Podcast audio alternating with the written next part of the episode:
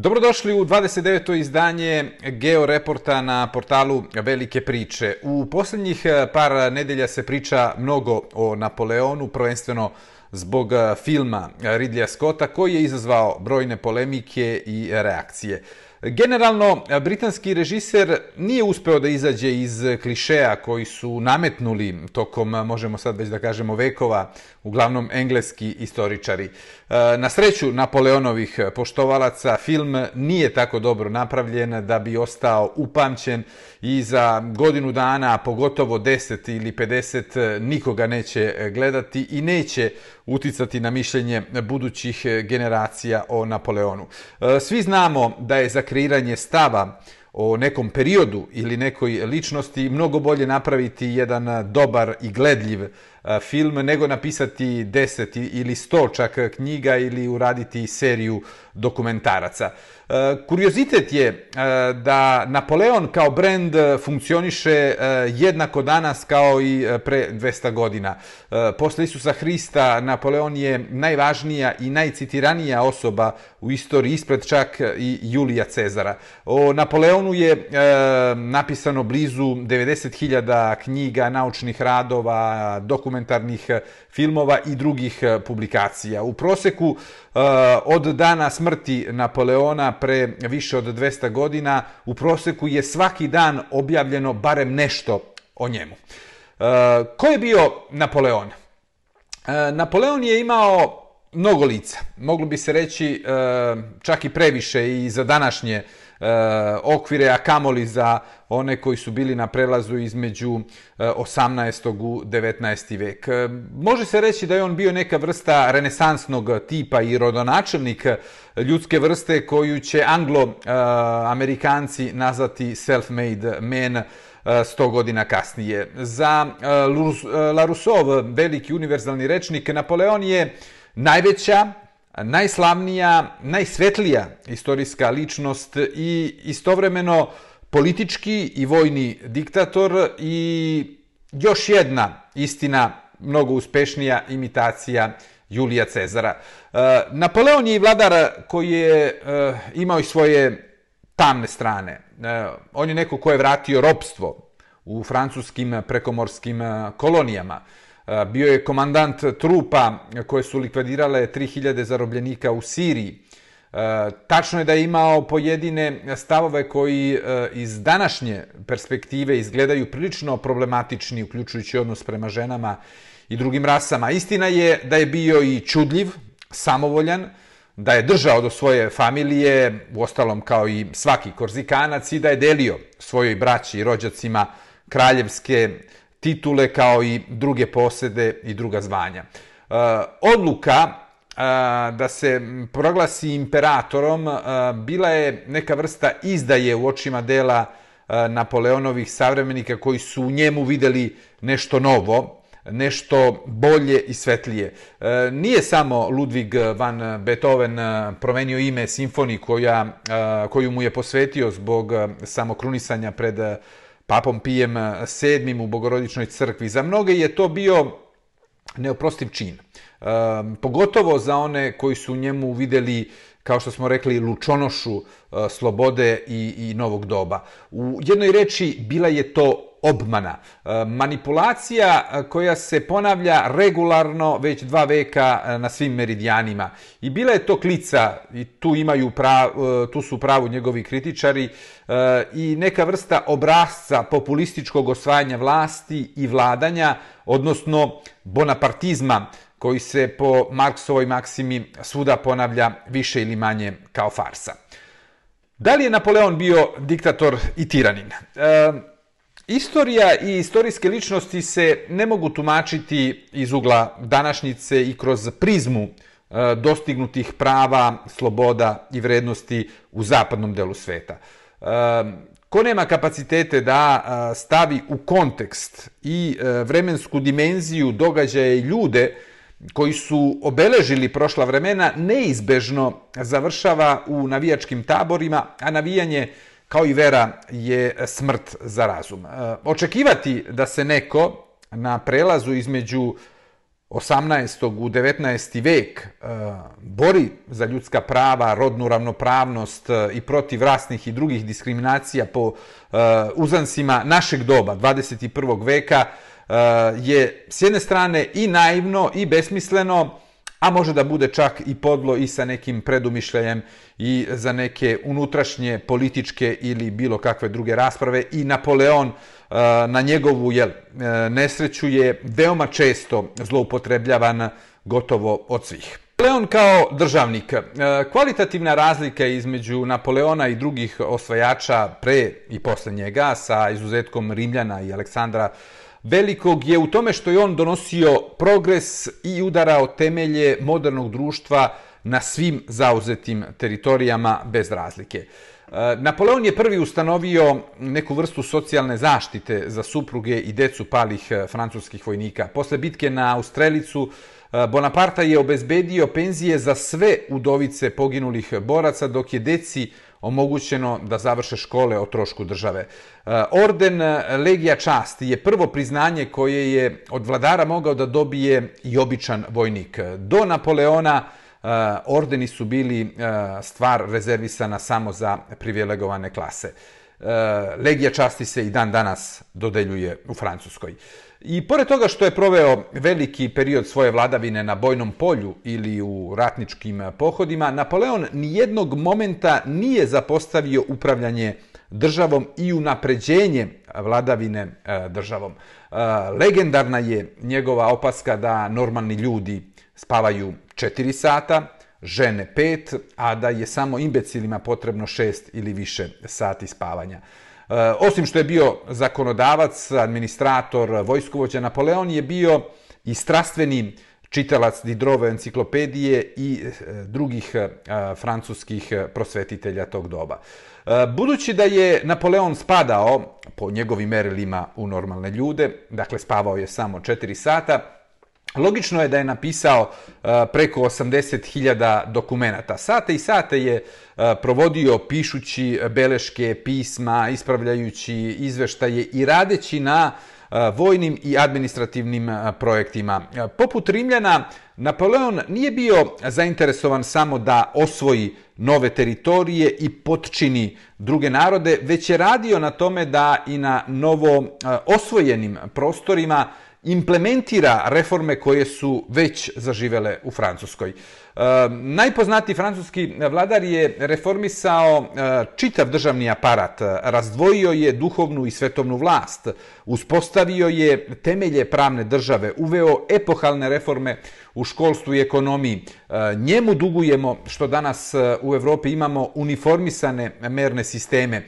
Napoleonov građanski zakonik je po svom uticaju i značaju nadmašio Justinijanov koji mu je istini za volju poslužio kao inspiracija i svi današnji zakoni e, koji garantuju e, pravnu jednakost, slobode e, i prava imaju izvorište u Napoleonovom građanskom zakoniku.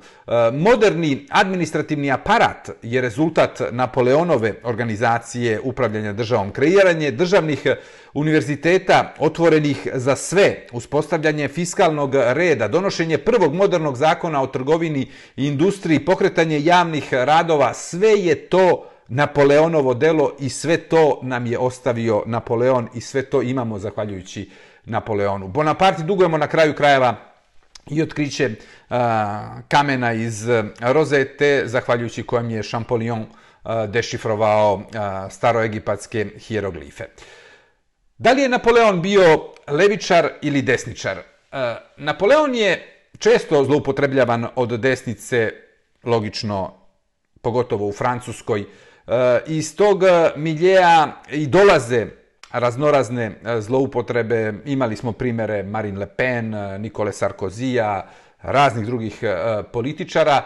Međutim, to ne odgovara istini, jer po onome zašto se zalagao Napoleon, i ako to uzmemo u kontekst perioda u kojem je živeo i posljedice, rezultate njegovih reformi, on je bio mnogo više levičar nego desničar, jer opšte pravo glasa, pravo na školovanje, penzije, školske stipendije, zakoni iznad volje pojedinaca, razdvajanje države i crkve su upravo levičarske ideje i koreni levičarskih ideja. Zašto su savremenici voleli Napoleona? E, za razliku od diktatora 20. veka, komunističkih, fašističkih, nacističkih, eh, klerikalnih, eh, sa kojima se često zlonamerno poredi Napoleon, Bonaparte je bukvalno predvodio svoje vojnike u bitkama na prvoj liniji, čak i kada je postao imperator, eh, uvek je, za razliku i od drugih krunisanih glava, njegovog vremena bio na bojnom polju. Zbog toga je uživao bezrezervnu podršku svojih vojnika. Takođe, senzibilnost da pohvali kada je to uh, bilo moguće ili šta više, kad god je bilo moguće pripadnike svojih trupa, obične vojnike, da im stegne ruku, da skine medalju sa svog poprsja i zakači na njihove grudi, kod vojnika je budilo osjećanje ponosa, zajedništva i odanosti. Eh, mnogi će kasnije ismevati taj čin Napoleona, ali je on imao zaista eh, veoma snažan uticaj i ostavljao je eh, i stvarao je veliko osjećanje kohezije između njegovih trupa. Treba shvatiti da ljudi nisu išli za Napoleonom i bili spremni da poginu za njega zato da bi uništili neki drugi narod, civilizaciju ili da bi dominirali uh, E, većim ili manjim parčetom teritorije, kao što je to bio slučaj i kao što je slučaj sa despotima prethodnog i ovog veka. E, ljudi su e, ga sledili u ime slobode, u ime jednakosti, napretka, modernizacije. Bonaparte je u očima svojih savremenika predstavljao sve pomenute ideje i zato je bio strastveno omraznut od pripadnika aristokratije u tadašnjim evropskim državama. Eh, sad dolazimo i do sljedećeg eh, pitanja. Zašto su najumnije glave Evrope videle u Napoleonu svetlonade? Ako ikome eh, pristaje Njegoševa, blago onome eh, kod ovijeka živi, imao se rašta i roditi, onda je to upravo Napoleon Bonaparte. Ko bi mogao da se pohvali da su ga opevali i oplakali najveći nemački pesnici kao Goethe i Heine, prvi među engleskim poetima Byron, gromade među Rusima Puškin i Ljermontov, otac moderne italijanske književnosti Manconi.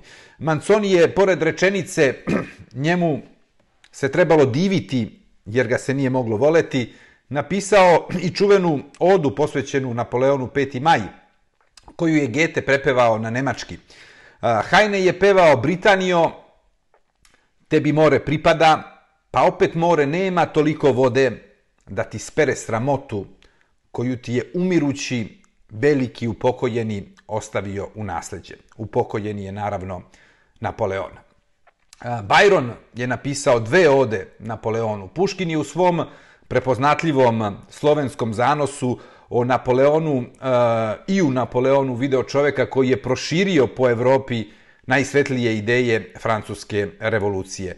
Ljermontov je pre nego što će poginuti u dvoboju na Kavkazu, konstatovao da su Francuzi ostali bez glave jer su izdali Napoleona i sada kukumaču za njime.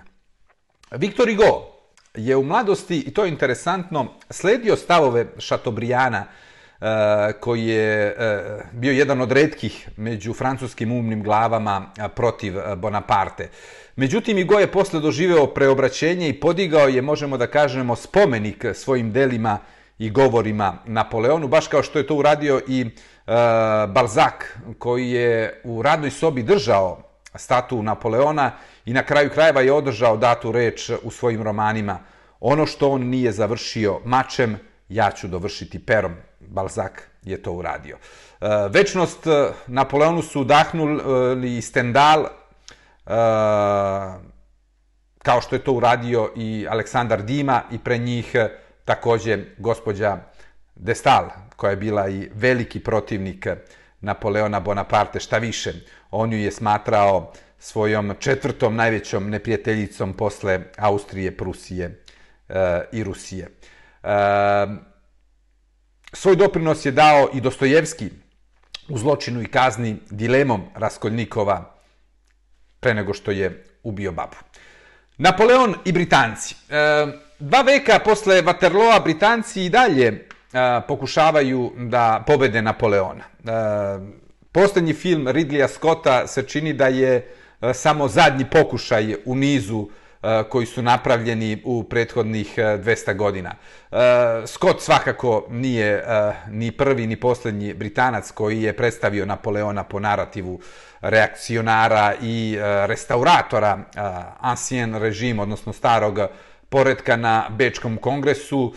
Dakle, Napoleona kao malog, krvoločnog, nadmenog, vulgarnog čovečuljka kojeg je mulj revolucionarnih vremena izbacio na površinu i britanski režiser ga je također prikazao i kao mrzovoljnog namćora i pored toga što je čak i Madame de Stal koju smo pomenuli, za koju smo rekli da ju je smatrao jednom od eh, svojih najvećih neprijatelja Napoleon, priznavala Bonaparte da ima zavodnički osmeh i određeni šarma. Opsednutost eh, Engleza Napoleonom se ogleda i kroz to eh, što su ime najvažnijeg trga u Londonu nazvali po pomorskoj bici na Trafalgaru i na njoj podigli spomenik Lordu Nelsonu, pobedniku u toj bici. Vojvoda Wellington je na slavi zarađenoj na Waterloo postao britanski premijer, a glavni grad Novog Zelanda, nekadašnje britanske kolonije, nazvan je upravo pro njemu. Železnička stanica na koju dolaze vozovi iz Evrope, i tu pre svega mislimo na one iz Brisela i, i Pariza, zove se Waterloo. Propaganda protiv Napoleona. E, nema toga što Britanci nisu pokušali da bi degnigrirali Napoleona. Počeo od toga da su ga osudili na anonimnu i sporu smrt na ostrvu u Nedođi između Afrike i Južne Amerike u Atlantskom okeanu, gde bi danas vlada Rišija Sunaka da šalje ilegalne e, emigrante. E, poučeni iskustvom sa Jovankom Orleankom, e, koji su spalili na, na lomači nekoliko vekova ranije i od nje tako napravili e, sveticu među Francuzima, Englezi su smatrali i verovatno su bili uh, u pravu, da bi sa javnim pogubljenjem Napoleona još više doprineli širenju uh, mita o Bonaparti i zato su ga osudili na izgnanstvo na ostrvo e, Svetu Jelenu. Umeđu vremenu oni su širili i brojne laži, neistine, poput one da je bio nizak, jer Napoleon je bio visok 168 cm, odnosno 6 cm viši od prosječnog Francuza u tom periodu između 18. i 19. veka. Međutim, e, propaganda protiv Napoleona je doživjela dva velika udarca par godina posle njegove smrti, odnosno već u prvoj polovini e, 19. Veka. E, Sir Walter Scott je napisao Uh, veoma poštenu biografiju o velikom francuskom vojskovođi, uh, a onda je okeanska masa dočekala posmrtne ostatke uh, Bonaparte u Parizu 1840. godine, eliminušući uh, praktično britanske napore da unište legendu o Napoleonu. Uh, kreator Ivanhoa i podanik britanske krune, jer ne zaboravimo da je Sir Walter Scott bio škot i posljedično takođe Britanac, eh, je napisao relativno, kao što smo rekli, poštenu eh, biografiju života Napoleona Bonaparte, koja je izvršila uticaj na eh, značajan deo potonjih generacija i Scottova knjiga je na neki način bila eho Napoleonovih reči koje je on svojim tamničarima i njihovom komandantu, guverneru Lovu na Svetoj Jeleni izgovorio po predanju. Evo citata. Za par godina rekao je Napoleon uh, lovu, vaš lord Castlery i vaš lord Baterest, kao i svi ostali, i vi sami ćete biti sahranjeni u prašini zaborava. A ako vas neko i pomene nekada, to će biti samo zbog nemoralnog ponašanja prema meni. I zaista, Lov je mislio da će njegov povratak sa Svete Jelene u London po obavljenom zadatku biti triumfalan, a dočekao ga je prezir. Čak ga je i Vojvoda Wellington nazvao gluperdom. Napoleon i Francuzi. E, evo šta je rekao Victor Hugo u Francuskoj akademiji neposredno posle e, sahrane posmrtnih ostataka Napoleona u Parizu 1840. godine. Na početku ovog veka Francuska je za druge nacije bila neverovatni spektakl. Jedan čovek ju je učinio toliko velikom da je osvojila čitavu Evropu. Taj čovek, izašao iz senke, uspeo je za samo nekoliko godina da se izdigne toliko visoko da je zadivio samu istoriju čovečanstva. Jedna revolucija ga je rodila, jedan narod ga je izabrao, jedan papa ga je krunisao. Iz godine u godinu je širio granice njegove imperije. On je poravnao Alpe, kao Karlo Veliki i Pirineje kao Luj XIV. On je konstruisao državu kao tvrđavu u središtu Evrope. Sve je u tom čoveku bilo ogromno i sjajno. On je bio kao neka vrsta vizije koja je lebdela nad Evropom.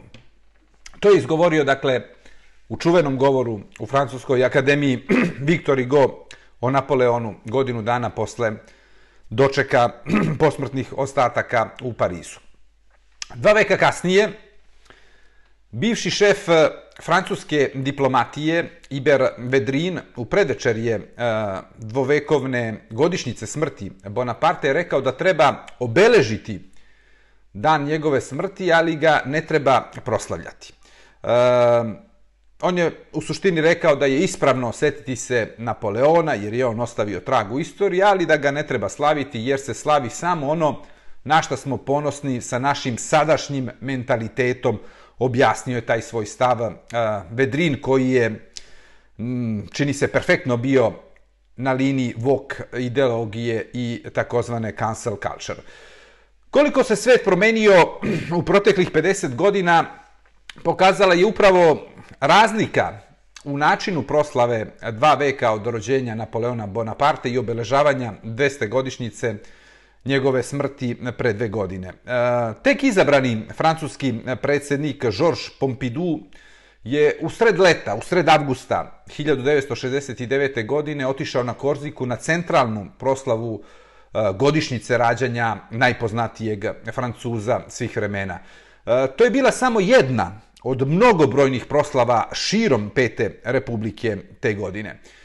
U 2021. nije bilo ni brojnih, a još manje pompeznih obeležavanja smrti Napoleona. Predsjednik Emmanuel Macron, istina, je položio cveće na grob Bonaparte u Palati invalida i održao govor u Francuskom institutu i to je bilo to.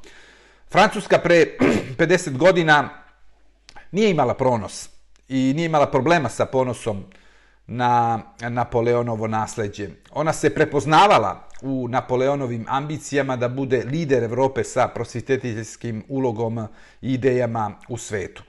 Međutim, u današnjoj petoj republici uh, Voltaire se etiketira kao islamofob i antisemita, eh, uh, Ruso kao razvratnik i bednik, Rišelje kao zlo po antonomaziji, Baudelaire kao mizogin i depresivni bolesnik, usto sklon drogiranju.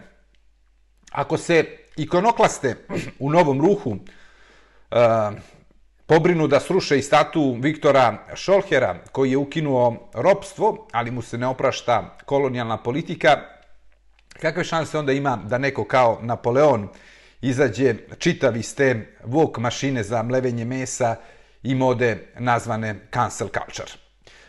Nisu svi voleli Napoleona e, u Francuskoj. E, to je tačno. E, bilo je protivnika Napoleona i među Francuzima u 19. veku i to vrlo ogorčenih i vrlo poznatih. Slikar Gustave Courbet je smatrao Korzikanca grobarom Francuske i ratnim huškačem, zbog čega je tražio demontiranje uh, Eh, vendomskog stuba napravljenog po uzoru na Trajanov stub u Rimu i sa eh, reljefima koji predstavljaju pobedu Napoleona kod Austrelica. Eh, Pre Kurbea je Chateaubriand pokazivao svoje gađenje otvoreno prema imperatoru i dok je ceo Pariz plakao na oproštaju Napoleona 1840. godine, otac romantizma je kamenovao rečima, metaforički naravno rečeno,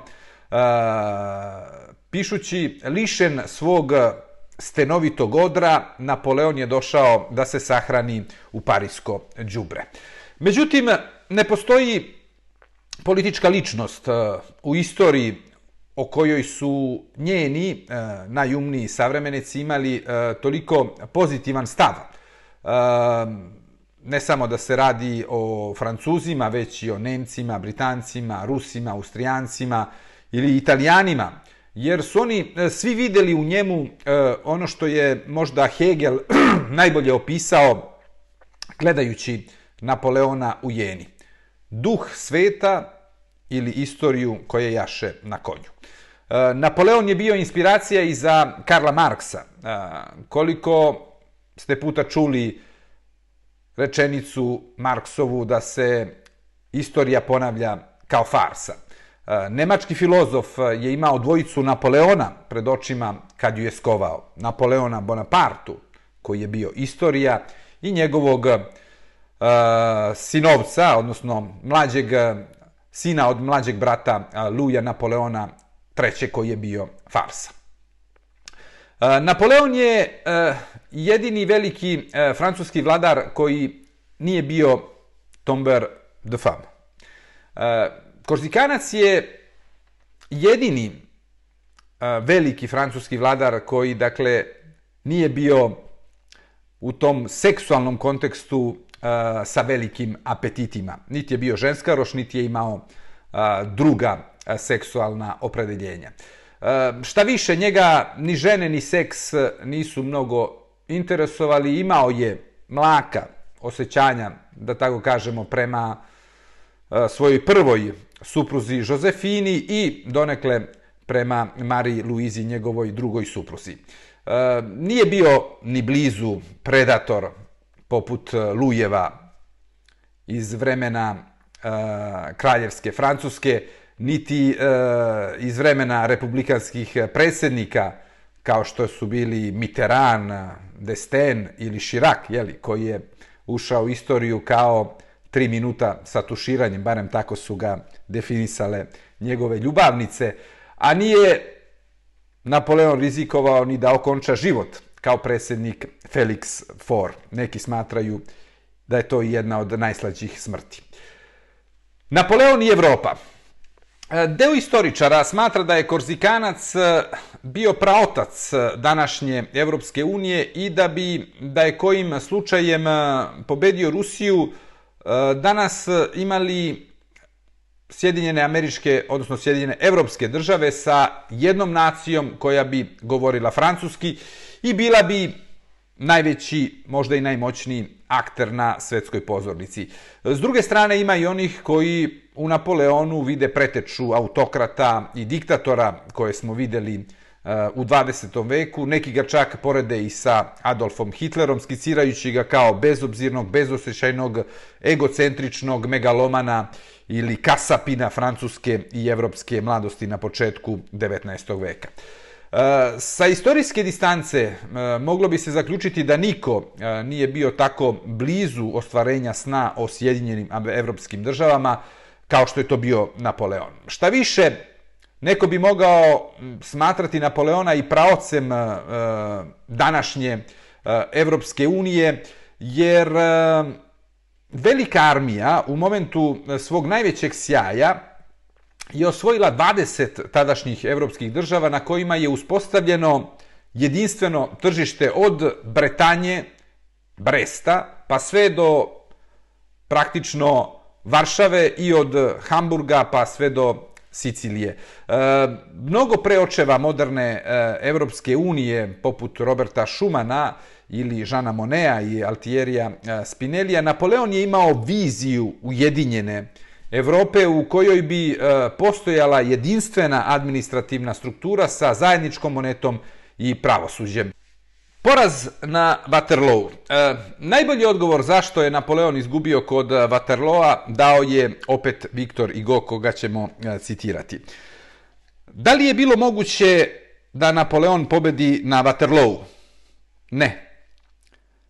Zbog Wellingtona i Bilhera? Ne. Zbog Boga je izgubio Napoleon jer nije ulazio više u njegove planove za 19. vek.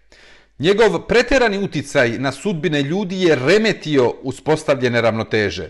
To obilje vitalnosti ljudske vrste koje se koncentrisalo u njegovom mozgu da je potrajalo, moglo je biti fatalno po čitavu civilizaciju. Dakle, stvorili su se uslovi tog junskog dana da nepodmitljiva superiorna pravičnost prevlada. Napoleon je izveden pred večni sud i njegov pad je bio neizbežan. On je zasmetao Bogu.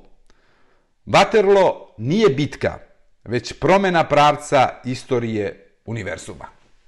Tako je objasnio poraz Napoleona na Waterloo i Go. Međutim, na bojnom polju, na stranu priče o pogrešnoj mapi koju je imao Napoleon ili o seljaku koji je dao savet Vojvodi Wellingtonu kako da stigne prečicom do Waterlooa ili o hemoroidima koji su mučili Bonapartu zbog čega nije mogao lucidno da razmišlja i prosuđuje e, činjenice da je Napoleon morao i da odloži napad e, od ranih jutarnjih sati za podne, pošto je kiša pretvorila teren u veliku kaljugu i topovi nisu mogli da budu e, pozicionirani kako je francuski imperator zamislio.